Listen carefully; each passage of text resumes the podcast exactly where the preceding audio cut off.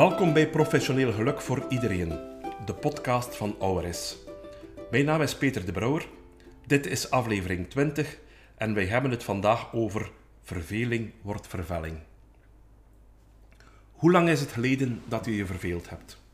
Als u jou als kind verveelde, welke raad kreeg je dan? Werd je attent gemaakt op het speelgoed dat je had en waar je niet meer mee speelde? Of kreeg je suggesties om klusjes mee te helpen oplossen? Stelde het probleem zich nooit en vond je zelf een nieuwe bezigheid uit? Ook op het werk kan bij sommigen de verveling toeslaan. Als dat lange tijd duurt, kan het leiden tot een bore-out. De symptomen zijn hetzelfde als bij een burn-out, maar in plaats van te lang buiten je comfortzone te zitten, ben je bij een bore-out te lang in je comfortzone gebleven. Mensen hebben een fundamentele behoefte aan uitdaging, zo nu en dan, niet voortdurend.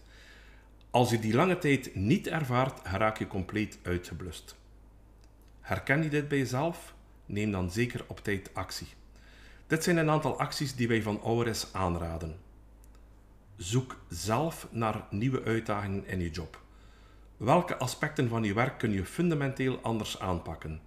Zijn er strategieën, workflows die je kunt herwerken? Bespreek het met collega's, met je leidinggevende. Hebben zij boeiende taken waardoor je je huidige job meer kan opwaarderen? Of vraag loopbaancoaching aan. Ervaar je een onbestemd gevoel van verveling en heb je geen flauw idee waar dat aan ligt?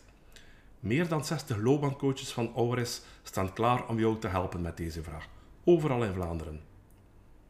Of zoek een nieuwe job. Wil je het roer radicaal omgooien? Wij hebben altijd een aantal uitdagende vacatures. Laat die verveling niet vervellen tot een echte bore-out.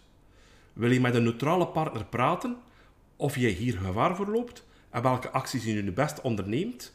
Het team van ORS staat voor je klaar. Voor nu wens ik je een energieke dag en graag tot de volgende keer.